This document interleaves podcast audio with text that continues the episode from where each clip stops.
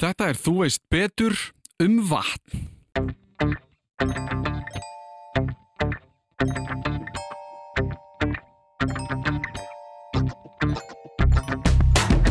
Öflugasta vaktin okkar eru, eru bara íbúar borgarinnar.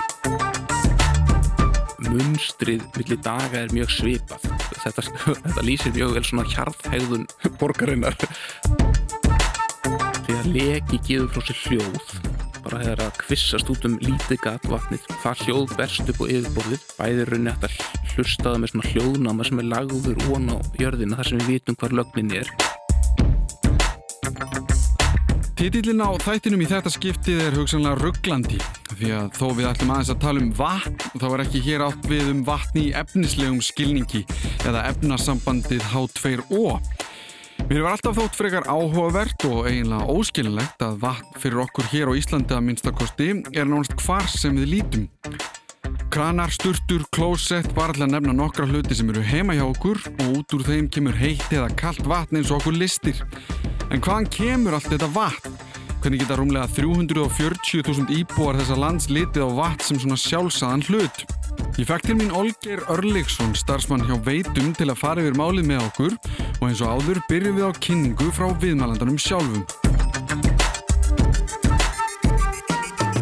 Ég heiti Olgeir Örliksson, vinn hjá Veitum í hérna Vass og fráveitu og er þar svona reka Vassveituna henni Reykjavík. Ég byrjaði nú bara í sumari 1993 í sumarvinnu hjá Vassveitu Reykjavíkur. Eitti þar heilu sumri að mála bruna hana um alla Reykjavík. Þannig að þá var maður aðeins komin svona upp á Vassveitu bragðið og svo var ég fór í yðinskólan og var þar að læra velsmíði og, og endaði náttúrulega á námsamning á jásmíðavegstaði Vassveitu Reykjavíkur.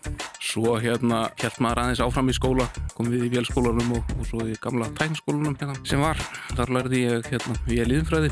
Svo eftir skóla þá ætlaði ég náttúrulega aldrei að vinna aftur í þessum bransa. Ég var búin að vera að leita mér að vinna 2002 í svona eina viku. Þá kom ég nú aftur við og bankaði upp á komst aftur að, inn á vegstæði að smíðu stáli. Upp úr því þá svona fer ég að sinna hérna ymsu í dreifikerfi varsvitunar í Reykjavík og hugsa um tankan okkar og dælustöðarnar, loka mannvirkin. Var í því svona fram til 2007 og fer ég í smá hlýja svona til þess að gá hvort að ég sé ekki hæfur til að vinna einhver starf annar staðar en hjá ofnbjörðu fyrirtæki. Eldi konuna mína til Norex og er hérna hálft ára að leggja vastlagnir á Svalbardha og svo í Tromsu í Norðunúri og svo þegar hrunið kemur 2008 þá sé ég að það er nú best bara að fara aftur til Íslands flýtt til Íslands 17. desember 2008 móti strömmnum og svona fljótlega upp úr því hérna einhvern veginn voru 2009 þá er ringt í mig frá hérna vegstæðinu hjá Orkuvitinu og spurt hvort ég vil ekki koma aftur að vinna er þá í svona mestu búið helliseiði í umflumur röðra framkvæmdu þar kringum heitt vatn og gufu svo þróast þetta og ég er aftur komin á Kavi Kaldavatni 2012 í svona verkstjórn og enda svo hérna í þessum rekstri núna síðustu þrjú árin þannig að þetta er eiginlega, all starfsæfin er búin að vera kringum þetta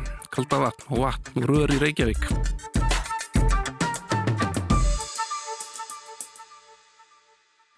Ég er nú ekki alveg klára á hvernar vassbyrjarnir byrja í Reykjavík þeir hafa væntalega verið þarna á 19. öldinni doldi virkir eftir að fara fóra að vera svona þéttbíl í Reykjavík og þá að bera heim vatn úr brunnum sem voru vísviðar í Reykjavík heim til fólks og þá væntalega kannski til efna meira fólks sem gata aðeins borga fyrir það. En þeir voru ekki bara að bera reynd vatn, þeir tóku skolpföturnar tilbaka úr kamrónum í sömu blötu öllarvetningunum. Þannig að reynlæti var kannski ekki upp á, upp á það besta. Brunnarni voru viðsveðurinn Reykjavík og misgóðir og svo held ég að sé sko nekkuð tíman rétt upp úr 1900 þá kemur upp svona taugaveiki faraldur í Reykjavík og þá er farið að hugsa stíft um að koma upp einhverju betri vassvitu. Það var farið að tengja svona sjúkdóma við sleimt neistluvatn og meðal annars var grafin djúpur brunnur fyrir landakotspítala sem ég held ég hafi verið 20-25 metra djúpur gott að hann væri ekki einhver staðar við tungutu ægiskutu, við maður rétt. Og það var áður en varsvitan kom í Reykjavík. Þar náðist svona þokkald vatn þetta náttúrulega er allt inn í miðjum bæ og, og kannski verið hústýr og, og kamrar ofan við varsbólinu og annað. Svo er heilmikið verið að spá í þessum varsvitumálum og þessi 1906 sem, sem Reykjavík borg kaupir varsréttindin í elleðanum og elleðavarslandið með það fyrir augum að, að hérna, útvega Reykjavík reynd viss neysluvatn. Áður hafður eitthvað prófað að bóra við öskjuhlýðina en aldrei fengið neitt gott. Það er svo 1909 1908 til 9 sem þeir hérna er byrjað að hérna leggja varsveitu og ákveða leggja varsveitu og fyrsta ári lög pípa neðan úr Reykjavík og endað hérna fyrir neðan selásinn og breiðholtið þar á milli með pípuna þeir komist ekki lengra og tóku vatnið beint úr elliðarum fyrsta árið. Það var bara úr ánni úr sjálfur. ánni, Já. það sést ennþá svona leifar að þeirri þró og það var bara talið betra heldur en úr brunnunum í Reykjavík og svo árið Af, eftir. af hverju var það talið betra? Það er náttúrulega kannski bara verið á þeim tíma fyrir ofan alla byggð eða verið orðið svona mikið mengað í, í brunnunum. En þessi brunnar, að þú nefndir þá, að brunna, hvernig verða þessi brunnar til? Er það bara handahóskend? Já, þeir hafa mæntalega verið hérna bara grafnir, einhverjir, einhverjar uppsprettur hafa kannski verið eða svona læ- lækjarbyrjanir eða lækjar uppsprettur og, og alltaf hafa ekki verið grafið eitthvað í kringu þá, sumir hlaðinir, hlaðinir niður og gerðir fínir, aðrir kannski verið óttalegar hólur og við náttúrulega höfum kannski ímis svona örnefni eða götunöfn en þá í dag, brunnstíg, lindargötu Já, og slíkt sem hérna tengir hérna í þessa, í þessa, í þessa staði og það er nú eitt brunnur held ég sínilegur í aðalstræti Já, en þá. en þá sem er verið svona er haldið til haga Já, en þetta er allt inn í bara byggðinni. já bara verið þétt og verið raun á þessum tíma þétt Já. inn í byggð, eða svona tölvert inn í byggð sko. Já.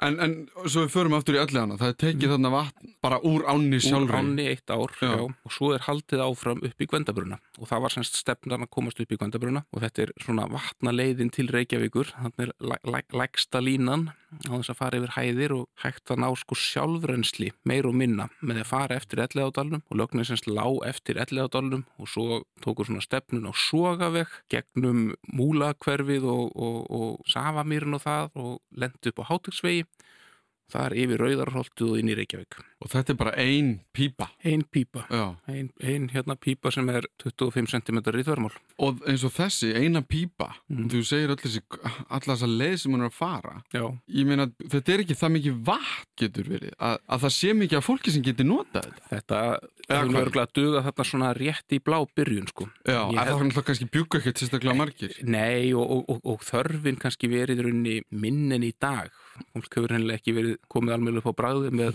að þrýfa sig upp úr vatni Já, jú, en svona, svona öðru Ekki vísi kannski styrst á hverjum degi Nei, nei og, það, það hefur verið slíkt sko en, en fljótlega upp úr þessu nú byggður tankur og rauðarholtinum það sem sjómannaskólinn er núna. Fyrir tankurinn það er held ég byggður 1916 og þá hefur náttúrulega hann verið settur því að það hefur þurft að eiga ná, ná svona forða fyrir dagsnótkununa svo er nú strax held ég 1922 lögð önnur pípa sömu leið sem er þá sverari og svo pípa var úr tré, minnum mig Hún var tré. já, svona raðað saman úr tréborðum í ring það var svo sem algeng svona pípugerð hérna áður fyrr Er það ekki slæmt að því að maður vatn og tré? Eða viður? Um, kannski ekkit mjög sko tréð verður rosalega þétt þegar það er að þennjast þetta er svona byggt upp eins og trétunna gerðir utanum og þegar pípan er í rauninni blöytað innan og, og hérna og þéttur jarður utanum hana þá er það kannski ekkit svo mikill fúi svona allavega Mhm. fyrstu árin og svo hafa nú kannski bráð og gæðakröfur ekki verið einn stífar þarna á Mhm. þessum tíma Og hún er bara lögð bara við hliðina. Bara já svona svipuðum, svipuðum slóðum Já. svo verður náttúrulega aftur rosaleg vastþörf upp úr stríði. Þá verður svo mikil hérna, aukning á fólki í Reykjavík þegar hérna, brettin og, og kaninn koma. Þá fara þeir í, í, í vassfötu framkvæmdi líka og byggja meðal hans stíplu Gvendabrunna til að hækka vasshæðina í vassbólunum Já. til þess að ná meira, meira vatn til Reykjavíkur. Gvendabrunar. Já. Hvar eru þeir? Þeir eru í heiðmörk, svona, hvað hefur ég að segja, nokkrum kílómetrum sunnan við Rauðhóla og eru svona helstu vasstöku og vassverndarsvæði þar. Já, því maður heyrir þetta oft, Já, sko. það er rauninni verið að taka svona undan hraunjaðri þar vatnið. Það var upphaflega tekið úr opnum tjötnum sem, þar sem vatn lindum svona sem runnu undan hraunkantinum en er núna tekið úr bórhólum. Og hvernig, að því þú nefndir sko að stefnan hafi verið tekin á Gvendabruna þegar það var byrjað að reyna að leggja þessar pípur. Já, Vissu við bara að þarna væri... já það, var, það var búið að kanna það. Menn hafa nú vitað af þeim. Mhm. Væntalega hefur Guðmundur góði vikt þetta einhver tíman og þetta hefur verið til í einhverjum sögum svona og svo var nú, voru nú einhverjir verkfræðingar sem ég fann ekki nöfnin á sem voru búin að kanna svona vastökustæði staði fyrir Reykjavík og voru náttúrulega búin að kanna nær fyrst því það var heilmikið fyrirtæki að leggja þessa pípu og rauninni verið algjört afrek að koma þessu þarna langleiðin á einu ári á þessum tíma. Að þetta er neðanjarðar. Já, hún er grafin, hún hefur kannski ekki verið grafið mjög djúft og verið svona fyllt yfir henn á köplum sko, Mm en að miklu leiti verið grafin, já.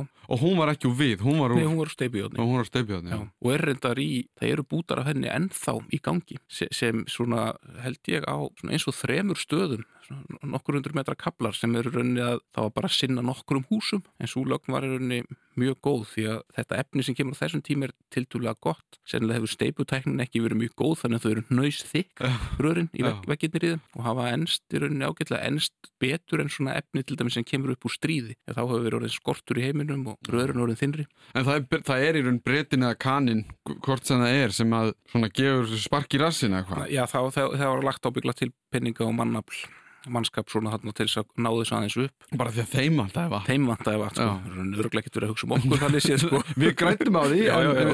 En, en, en þeim vantaði bara fullt af vatni náttúrulega. Ég mitt, svo þarna upp úr stríði þá náttúrulega er svona orðin áframhaldandi vaskortur svoleiðis þannig séð og er lögðanur pípa 1947 og sett upp dælustöð upp í Gvendubrunum sem dælir þá úr opnum vassbóli og í bæinn. Þarna kemur bara fyrsta dælan. Já, ég held það að sé, sé eða svona 47. almennilega dælan já, já, já. já, Fram að því þá erum við bara að bara stóla á hvað þingdaraflið. já, Bara, já, sjálfrensli, bara hæðarmun í landi. Já, og eru, sko, við kannski förum út í einhvern veginn tæknilega aðrinn, en bara mjög, að því að gvendabrunnar eru náttúrulega, þú veist, út að fara niður. Mm, Ég er bara að pæla einhvern veginn hvernig þú getur alltaf verið að fara niður í móti, sko. Sko, Gvendabrunnar eru í hérna 80 metra hæði við sjó og landið liggur runni mjög flatt, sko, það rennur á framhjá Gvendabrunum suður á heitrún, já, og út í elliðavatnið er helluvatn og elliðavatn og þetta er semst allt vatnið eins og í elliðanum, það rennur allavega til sjávar. Þannig að þarna yfir þetta, hvað við segja, haft í elliðardalum eða víðidalum, þetta er, er semst ein halla og nærða að láta pípuna halla þarna fram af brúninni úr, úr Gvendabrunum. Það er svona skarð í landinu.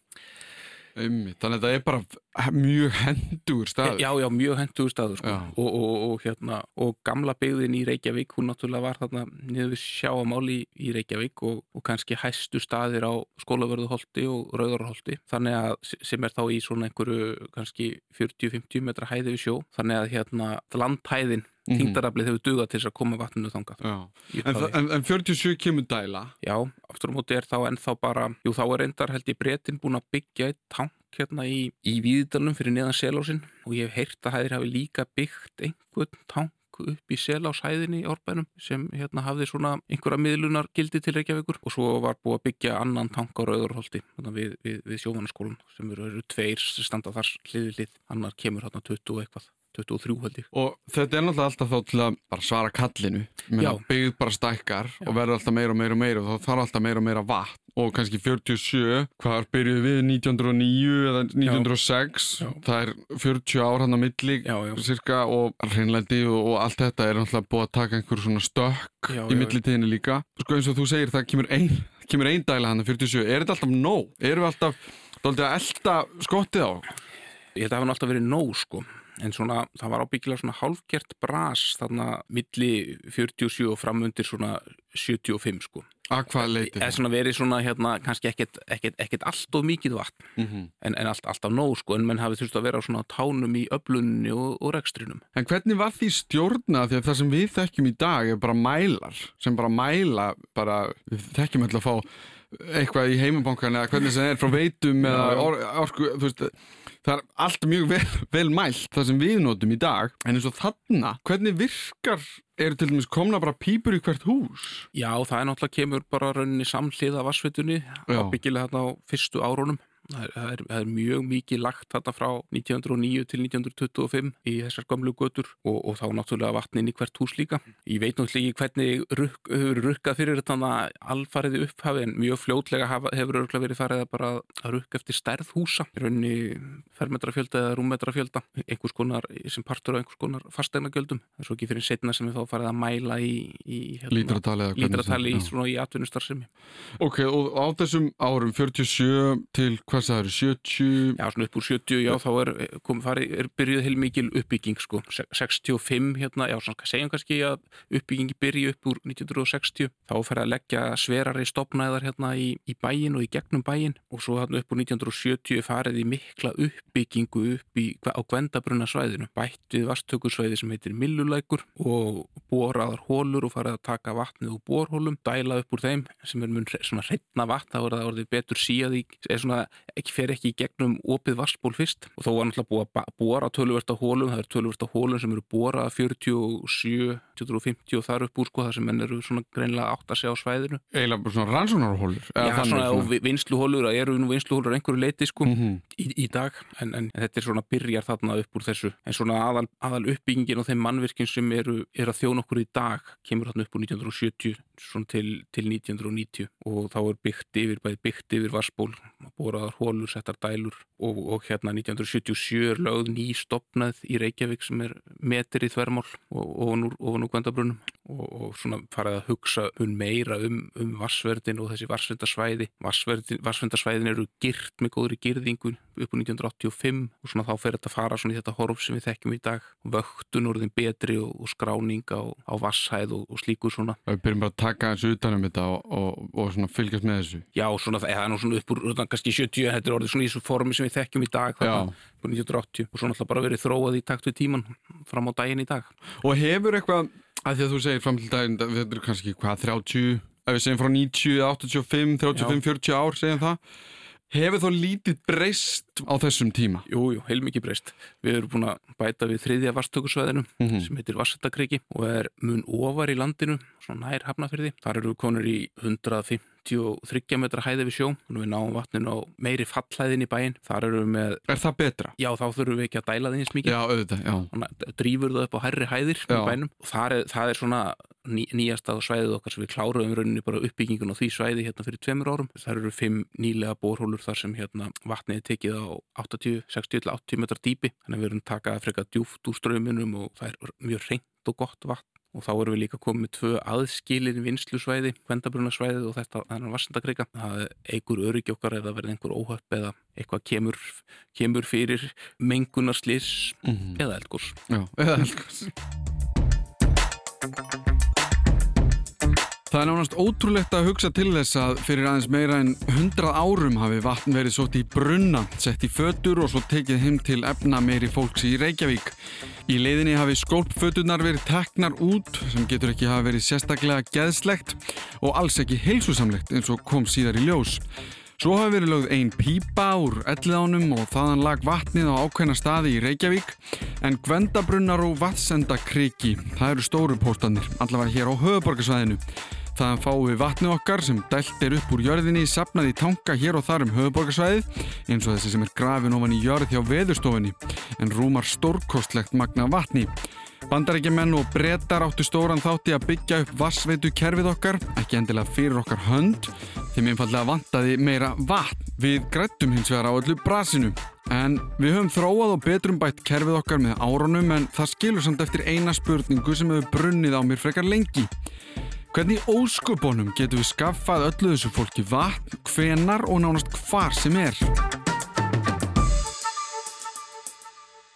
Þetta byggist kannski heilmikið upp á svona stýritækni, stýritækni nútímas. Mm. Við hérna, bærin kallar eftir vatni, bærin vaknar á mótni og allir fara á fætur og klóstið og í sturtu og þetta og þá snar ekst renslið til bæjarins og við það fellur örlítið þrýstingurinn og það byrjar að lækka örlítið á töngunum upp í heiðmörk. Við erum með þrjá vastanga þar. Þá hérna eru nemar sem skinja hæðina í þeim sem segja dælunum í borhólunum að nú þurfa að dæla aðeins meira og dælurnar eru kerðar á svona hraðastýringum, tíðnibreytum. Þegar það er lítið að gera hjá þeim þá bara snúast þær hægt og dæla litlu. Svo leið og bærin kallar á meira þá auka þeir við sig og, og hérna jamt og þétt og, og, og bæta svo sjálfkrafa við sig fleiri dælum í fleiri borhólum eftir því sem bærin kallar á meira vatn. Til dæmis sjá bæðir aukna nótkun, bruna, leka, hvað sem er. En sko, það sem ég velti svo mikið fyrir mér er að ég get lappað að hvaða krana heima með mér eða sturtunni, ég ætla ekki að tala um klóstið því ég veit að þar er líka tankur Já, já. sem fyllist hægt ok, þannig að ég skil það að einhver liti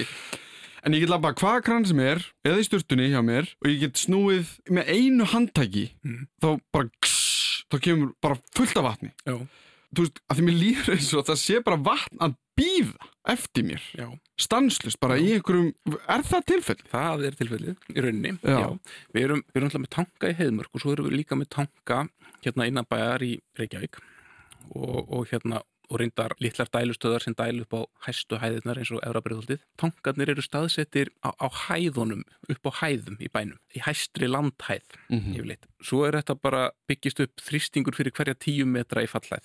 1 kilogram eða 1 bar. Tankurinn er stór með stórt rör frá sér og út úr stóra rörinu fara minni rör inn í göturnar úr minni rörunum í götunum fara ennþá grenri rör inn í húsin og svo er þetta bara í rauninni eins og þú værir með flösku á kvolfi og kiftir úr henni tappanum. Og þetta er bara alltaf þannig. Alltaf þannig. Og þannig að við erum kannski að hugsa um þetta, eða við, ég, Já.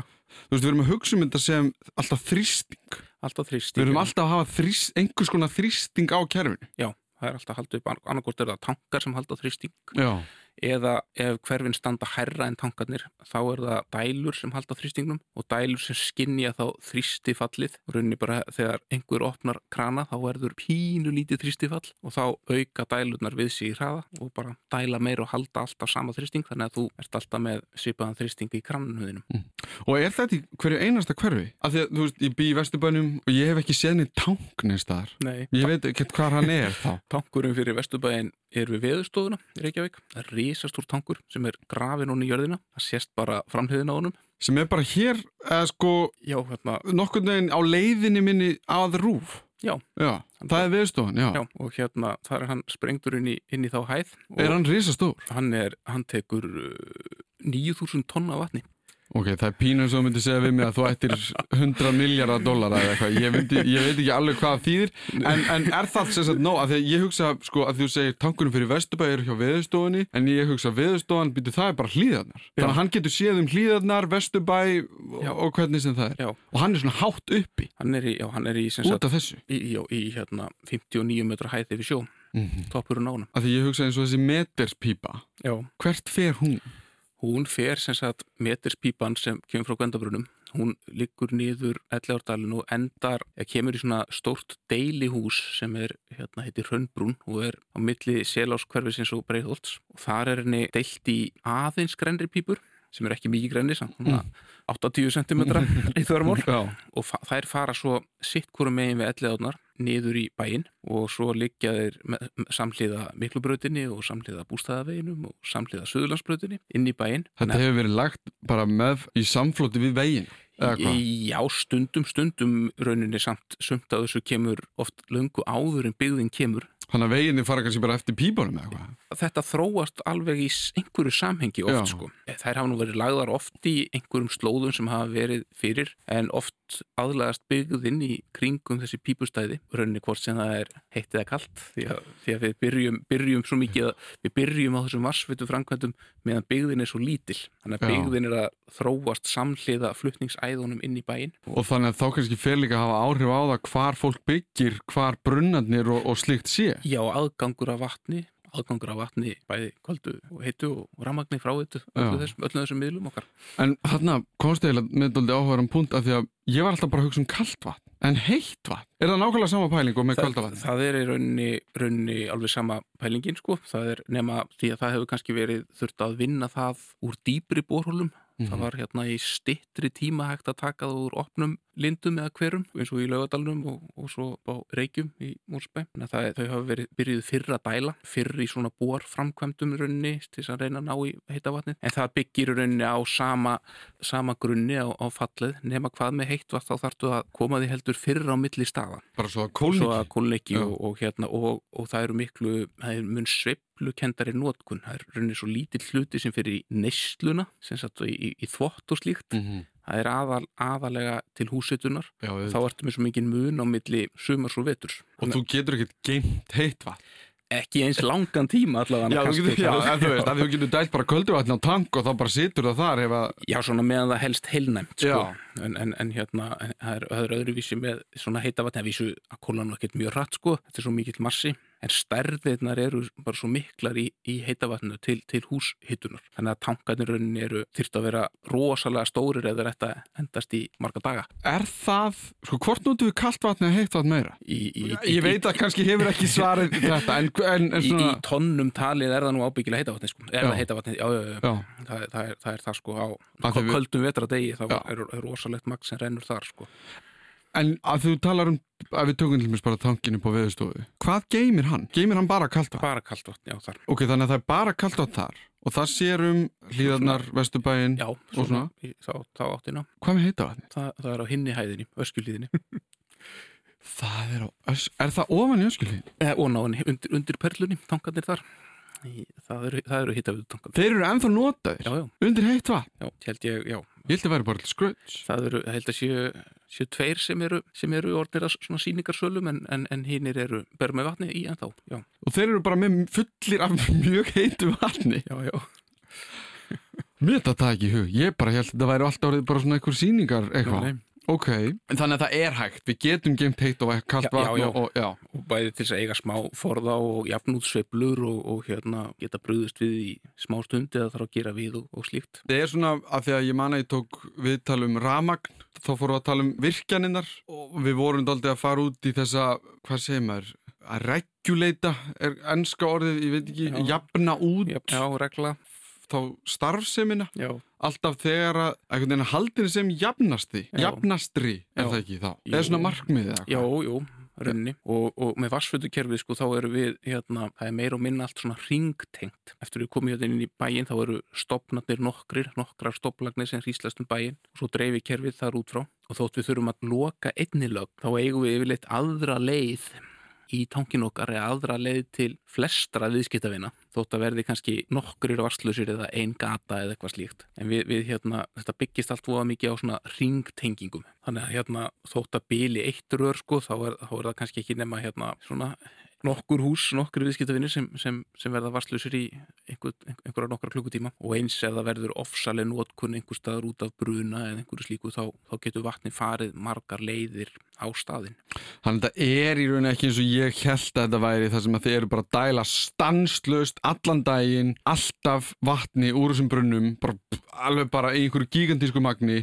Þetta er svona dæla, ok, það er lítið að gera núna, höfum hérna forðan. Hvenar er mest, þú veist, hvenar er þið mest að dæla, til dæmis? Það er, það er á hérna heitustu sumardögunum og svo milli fjögur og sex og aðfangadag. Já, það er þessi klassísku. Já, Já. Og þið eru búin að kortleikja þetta alls. Það er það- fátt sem kemur ykkur óvart. nei, ég vildi ekki sko, Já. ekki þannig, það, eru, það er þá bara einhverjar svona stórar bílanir eða eitthvað sem, sem við, sem við hérna, fara út úr kortinu hjá okkur sko. Munstrið milli daga er mjög svipað. Þetta, þetta lýsir mjög vel svona hjarðhegðun borgarinnar að koma topparnir yfirleitt á sömu tímum alla virka daga. Þeir koma á sömu tímum um helgar og lámarsrenslið fer svona cirka niður í það sama á nóttinni og, og, og hámarsrenslið svona er svipað dag eftir dag og þannig að það er atvinnulíf og, og, fólk svona er, er, er svona nokkuð í föstum skorðum sko. Við erum vanaföst dýr. Já, ég hugsa það sko. Já, við erum frekar vanaföst dýr. Flest ykkar hafa örgulega heyrt um þessa stóru posta þegar allir fari sturtu á aðfangadag og svo þurfum við að kæla okkur á heitum sumardögum. En kerfið snýst að miklu leitum þrýsting, halda jöfnum þrýsting á kerfinu svo allir fái sitt vatn eftir hendisemi. Allt þetta kerfi er hálf ósýnilegt finnst manni, það er allt í kringum mann en samt einhvern veginn ekki. Það bara virðist virka og enginn fattar neitt fyrir en að það gerir það bara ekki. Og þá er næstum eins og heimurinn sé að farast. En hvað með framtíðina? Er kerfið ekki frekar fullkomið eins og er eða er hægt að bæta það enn meira?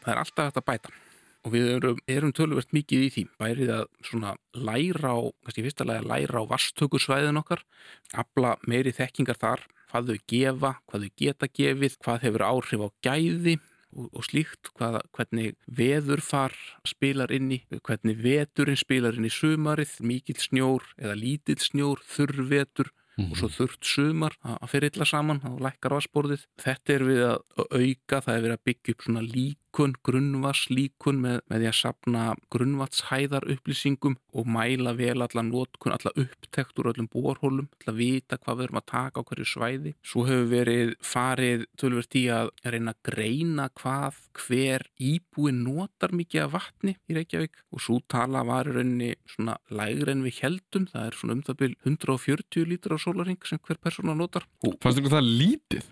já, þetta voru rauninni hærri tölur sem við höfðum oft heyrt og út frá þessu getum við hérna áætla notkun út frá íbúa fjöldarspám sem eru gerðar fyrir Reykjavík. Bæði hérna bjart sínustu spám og svart sínustu spám hvort það verður mikil fjölgun eða lítil. Uh, við getum letið leka út frá því hvað við vitum, við vitum hvað við dælum upp úr jörðinni og við vitum hvað fyrirtækin nota og hvað íbúðinni nota. Þá er einhver hérna afgangur sem er þá að tapast einhver staðar. Það er bara að finna út hvar, hvort það sé að leka eða ekki, hvort það vatni sé að skila sér skila Já. sér sko því að það náttúrulega getur gert það á svona löngu leiðum og á, og á kerfi sem spannar mjög vítt aldurspil við erum með kerfi sem spannar kannski 100 ára, 110 ára aldurspil í rauninni. En hvað gerir að því veltast fyrir mér sko, er eina leiðin? Ef það kemur, segjum svo að það kemur afgangur Já, eða þið fatti það það að það sé leiki hvað, eins og þú segir, þetta eru ótrúlega mikið af pípum, leiðslum öllu þessu, hvernig óskupunum faraði að því að finna hvar leikin sé? Sko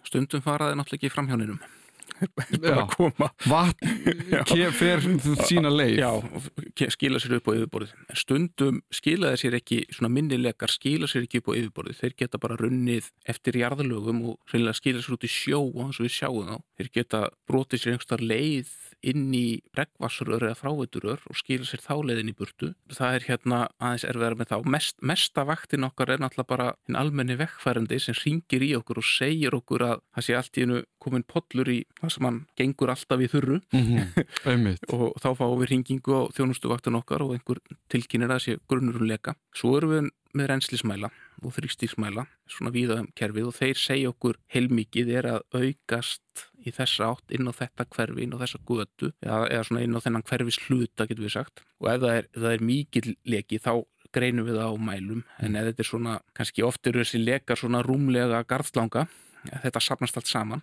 þá er nú helst hægt að hérna, já að að hérna þið skilir sér upp eða fólk í húsinu eða þeir segjum að það sé að leka æðin heima að einhverju húsi. Fólk verður að heyra suð og byrja að heyra suð og greinir það frá kaldavarsrörunu intakinu í húsið þá svona er það merkjum að kannski sé eitthvað að gerast eða slíkt. Mhm.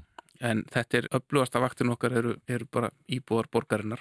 En svo erum við líka með svona bílana greiningar fólk, ástandsgreiningar fólk sem fer á þá staði þar sem við höfum grunum leka og hljóðhlustar því að leki gefur frá sér hljóð bara þegar að kvissast út um lítið gat vatnið, það hljóð berst upp á yfirborðið, bæðir raunin þetta hlustaða með svona hljóðnáma sem er lagður ón á jörðina þar sem við vitum hvar lögnin er, við höfum svona sta- staðsetningarnar mældar á lögnurum inn á korti. Ef lagnindar eru úr stáli eða málmi þá er þetta að setja, því við erum með til að geta þjónusta kerfi, þá þurfum við að geta lokað fyrir, fyrir það. Og þá eru svona vaskranar onni í jörðinni með, með svona spindlum eða stöngum sem liggja upp undir yfirborðið sem við getum komist í til að skrúa fyrir. Og þar getum við sett á hljóðnema sem mæla þá á milli tveggja svona punta og greina staðsetningun á lekanum og gefa okkur svo upp nákvæmlega hvað hann er. Það er svo cool ah, Það er eitthvað hef heyrt. Þá höfum við líka verið að búin að fjárfæst í svolítið á svona semst, hljóðnemum, bara þrálausum hljóðnemum sem við komum fyrir á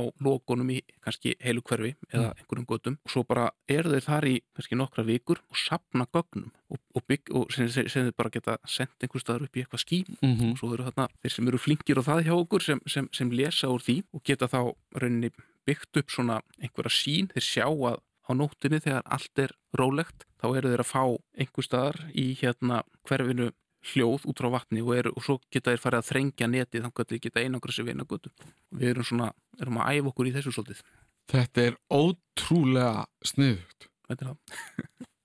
En sko er, ég meina eina leiðin til að laga pípu og þar eru úr steipu, málmi, járni, Ímsu. já, er bara grafa niður og skipt út Já. teipa fyrir það Já, það er, það er nú lang, lang algengast að það sé, sé grafið niður og þá Mhm. sett einhver viðgerra spöngi yfir eða skiptum bút í lögninni. Þó er reyndar alltaf að tæknin við að sk- skurðulausar viðgerðir er alltaf að hérna, verða betur og betri. mm. Við höfum verið að horfa á það svona í- um heiminni, svo til dæmis í Noregi er tölvöld verið að fóðra lagnindar á innan. Það er eitt sem ég skil ekki Það kom, eh, það sem ég bý Já. komu pípulöfningamenn og fóðuruðu pípurnar að innan Já. og ég hugsaði, hvernig, þið eru ekki að grafa neitt hvernig er það að fóðura einhverja pípur að innan án þess, ég skil ekki hvernig þú fóðura pípur að innan á þess að fara einhvern veginn, já, ég, ég bara, ég skil ekki. Við þurfum, sko, allavega ef við værum með kaldavaspípu, þetta er heldur einfaldara kannski í fráveitum, þar sem er minni þrýstingur, en í kaldavaspípu þar sem við erum með þrýstilögn, þá þurfum við að fara alltaf opnan á tveimur stöðum, segjum að við værum með eina götu, þá þurfum við að grafa tvær hólur og rjúfa lögnina, svo er hún tekin og þvegin á innan tekið af henni vatnið og þvegin á innan. Svo er dregin í hana svona slanga eða sokkur úr trefjaplasti sem er svona krumpaður saman. Og hann er svo þaninn út með heitu lofti eða volgu vatni út í veggi pípunar og svo hertur með útfjálblóð ljósi En þetta eiginlega gengur bara á milli tveggja punta. Þetta er orðið flóknara ef einhverju tengjast inn á lögnin á leiðinni. Því að þá þarf þú að gera hólu á hverjum stað sem einhver tengist inn á. Til að, að því að þú setur rauninni heilt rör inn í rör og ef það eru úrtök úr rörinu þá lokar það fyrir úrtökinu. Já. En við höfum ekki gert þetta að neinu ráði hérna, við höfum dreyið nýjar pípur í grenri í eldri rör, en það náttúrulega mingar flutningsgetu, þannig að það er, það er, það er ekki hendugt allstaðar, getum við eigum fyrir tilvíljun, gamalt rör, en þetta er svona tekni sem við okkur langar að prófa einhver tíman. Mm -hmm á næstu tíu árum kannski. Og er, er sko að því við erum í framtíðinni, er, er, það, er það þá sko kannski bara, við erum komið með kerfi sem er greinilega mjög gott ég meina, come on, við erum að láta þetta er svo mikið af vatni og þetta er svo mikið af flækjustígum að við erum nokkun en að leysa þau frekar vel myndi ég segja.